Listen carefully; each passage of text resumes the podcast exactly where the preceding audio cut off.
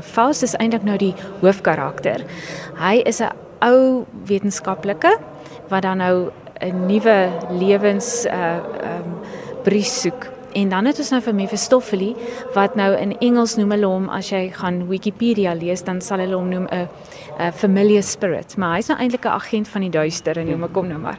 En dan het ons vir Marguerite. Sy is die vroulike hoofrol. So sy is 'n jong meisie dame en sy word dan op die einde verlei deur Faust. En sy is eintlik aanvanklik die tragiese figuur, maar sy sy is eintlik die een wat aan die einde die gelukkige einde het. Faust is eintlik die tragiese figuur. Um, as jy kyk na Goethe se se oorspronklike teks. En dan het ons nou vir Siebel. Nou Siebel is 'n interessante rol. Mense noem dit 'n broekrol. Bloot net omdat dit 'n dame is wat dit sing. So dis 'n mezzo-sopran, maar sy gaan verskyn in in in mansklere. So sy is Siebel is eintlik uh die jong ehm um, aanhanger van Margaret. Hy het eintlik sy hart op haar, maar hy word dan op die einde heeltemal eenkant toe geskuif. So dis 'n mans karakter maar gespeel deur 'n vrou. Ja, so dit is nogal 'n dis uitdagend. Glo my, dis uitdagend. En dan het ons vir Valentin, ehm um, hy is Margaret se broer. So ehm um, hy is 'n bietjie van 'n van 'n ou verbitterde ou en hy hy is op die einde het gaan hy in 'n twee geveg met met eh, sterf en hy sterf eintlik voordat hy sy suster vergewe het. So ook 'n bietjie van 'n tragiese figuur en dan het jy vir Marte wat sy dit is een van die kleiner rolle sy ehm um, sy en Wagner uh, Wagner is ook nou maar so 'n tipe van 'n vriend van Valentin en so aan sy en sy en Wagner is getroud Marte en dan gaan hy nou in die oorlog dood maar dit dit sien jy nou nêrens nie dit gebeur nou net so terloops. Dan is sy nou so 'n uh, half 'n uh, mollige gesette weduwee wat dan nou dadelik sommer besluit kyk sy moet nou maar weer 'n man kry. En dan besluit sy wel uh, Mephistopheles is net die man vir haar. En dit is natuurlik in die derde bedryf is dit nogal groot pret want op die op die verhoog sal jy gehoor dan sien aan die een kant is Faust besig om Margarita probeer verlei en aan die ander kant van die verhoog is is Martha besig om uh oogies te maak vir Mephistopheles en sy's geweldig ehm um, vasbeslote om hom in haar net te vang. Kom ons sê dit so en dan probeer Mephistopheles wegkom teen hier en mee. So ek kry nog eintlik lekker want dan dink ek vir al die twak wat hy aangejaag het, gaan hy nou sy sy Moses teekom. So dit is eintlik dis nou al die karakters en dan is daar natuurlik die interessante jy weet uh verhouding tussen die karakters. So vir vir Faust het ons vir Boris Dero. Hy's 'n Kanadese tenor. Hy's nou wat jy noem 'n liriese tenor. So 'n pragtige helder uh, stem. Dis dis ongelooflike stem. En dan Otto Mahirius Mephistopheles en hy is ongelooflik in in in die rol. Hy het hy het nogal ek eh, moet sê van die verhoog af is ons almal mal oor hom. Ehm um, hy het nogal 'n uh, so ondeende streep deur hom. So ons het baie pret op die verhoog is met Mephistopheles en dan in Marguerite is Lia Gunther. Sy woon in Kaapstad. Sy het onlangs het sy in TUT se produksie van Lenotsi gesing en dan uh Valentine het is ehm um, Aubrey Lodewyk en ehm um, Ziebel het ook 'n pragtige aria. Dit is hulle net van 'n merwe gaan Ziebel die broekrol sing.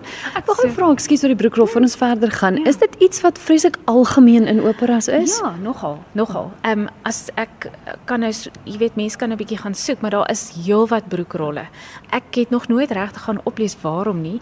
En ehm um, ja, so dit is Lenet van der Merwe en dan die Martha's Abungile Ntulini en uh die Wagner is Duart Jonker. So spesifiek met Martha en en en met Wagner gee dit vir 'n mens ook 'n geleentheid om vir jong onbekende sangers met potensiale kans te gee om op hierdie verhoog te werk saam met 'n regisseur, saam met 'n orkes. Want die meeste van die produksies wat 'n mens kry is maar meestal met 'n klein ensemble of net met 'n klavier.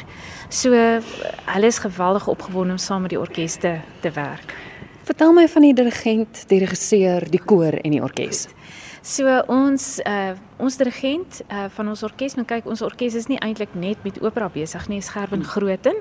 So ons doen simfoniekonserte en uh, ons doen nou maar opera, juis omdat ons voel ons kan nie sê ons is regtig opregte orkesmusikante as ons nie vir 'n opera gespeel het nie.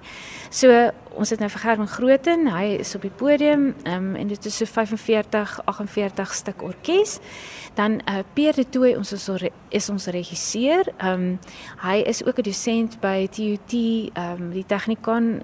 Hy's ook 'n opera tutor daar. Dan het ons ook 'n ballet. Ek dink ehm um, dit is 'n verrassing, nê? Mm. So wat wat hierdie produksie wel wat Faust van Gounod moeilik maak. So as jy vir iemand sê, uh, ons wil graag Faust uh, op die planke bring, dan gaan 'n regisseur vir jou sê, mm, wat gaan jy met die ballet doen? Want dit is 'n interessante element. Uh, aanvanklik het Gounod nooit 'n ballet, daar was nie 'n ballet. Hmm? Met die eerste, met die premier was daar nie 'n ballet nie. En toe het hy in Europa 'n paar uitvoerings van Faust gehad en toe gaan hulle terug Parys toe na die Paryse opera. En toe het die Paryse opera vir vir Gounod gesê maar ons soek 'n ballet. So jy moet nou 'n ballet hier inwerk. En toe het hy spesifiek musiek gaan komponeer vir 'n ballet. So nou is daar 'n ballet by en eintlik het dit vas verander van net 'n opera na wat ons noem grand opera. Soos wat Aida. So Grand Opera is eintlik waar jy 'n koor het, 'n orkes, soliste, 'n ballet en en dit is dan vyf bedrywe. So hierdie is 'n baie interessante opera en ek dink dit is wat ons ook getrek het. So daar's 'n ballet. So dit word gekoreografeer deur Samantha Seifert en Rudolf Geldenhuys en hulle het 'n klomp uh, jong balletdansers. So dis almal ehm um, sou ek sê dansers wat hier in die hoërskool is hmm. en miskien studente uh, al jy weet op universiteit. En hulle het omtrent so 40 uh dansers wat op 'n stadium op die verhoog gaan wees en dan dan soliste ook. So in die wals toneel in die tweede bedryf gaan hulle op die verhoog kom en pragtig dit is lieflike koreografie. En natuurlik dan tussen bedryf 4 en 5 is daar ook 'n reuse ballet. Met dis omtrent seker 20 minute maar dit klink nou lank maar dit is in 'n oogvink hmm. en hulle vertel in die ballet vertel hulle eintlik en hulle ondersteun die storie van Faust en die koor goed die koor dit is kom ons praat oor die koor dis nog 'n uitdaging ek is al want 'n opera koor is nie 'n kerkkoor nie hmm. so daar's verskillende style van musiek en so is daar verskillende style van sang so as ons kyk na 'n Bach kantate of 'n Mozart requiem, dis 'n sekere styl van sang. Wanneer ons kyk na opera, dis heeltemal 'n ander manier van sing. So elke koorlid moet eintlik 'n solis wees. Want as jy nou kyk na die afmetings van die verhoog en jy kyk hoe groot die auditorium is, dan moet jy as koorlid jou koorgedeelte, jou sopran of jou alt of jou tenor of jou baslyn, moet jy so kan sing soos enige enige solis en jy moet regtig projekteer oor wat is dit omtrent amper 40 meter wat ja. jy moet projekteer. Ja. So jy moet eintlik regtig waar 'n baie sterk stem hê. Nou ongelukkig in Suid-Afrika loop jy nie sommer sulke mense op straat want want weet jy die tragedie is ons ons sing nie meer nie. Dit is ongelooflik moeilik om 'n opera koor bymekaar te kry. Ehm um, dit is 'n uitdaging. Dit is miskien die grootste uitdaging uh van so 'n produksie ideaal in Europa sou jy 'n koor van uh, eh, 50 of so gehad het, maar selfs dit is nie eers meer noodwendig so in Europa nie. Ehm um, so ons het 'n 'n koor van 20, maar dit is kwaliteitstemme. Ons het audisies gehou en hulle is fantasties. So hulle is gesout in hierdie in hierdie genre en ehm um, dis harde werk.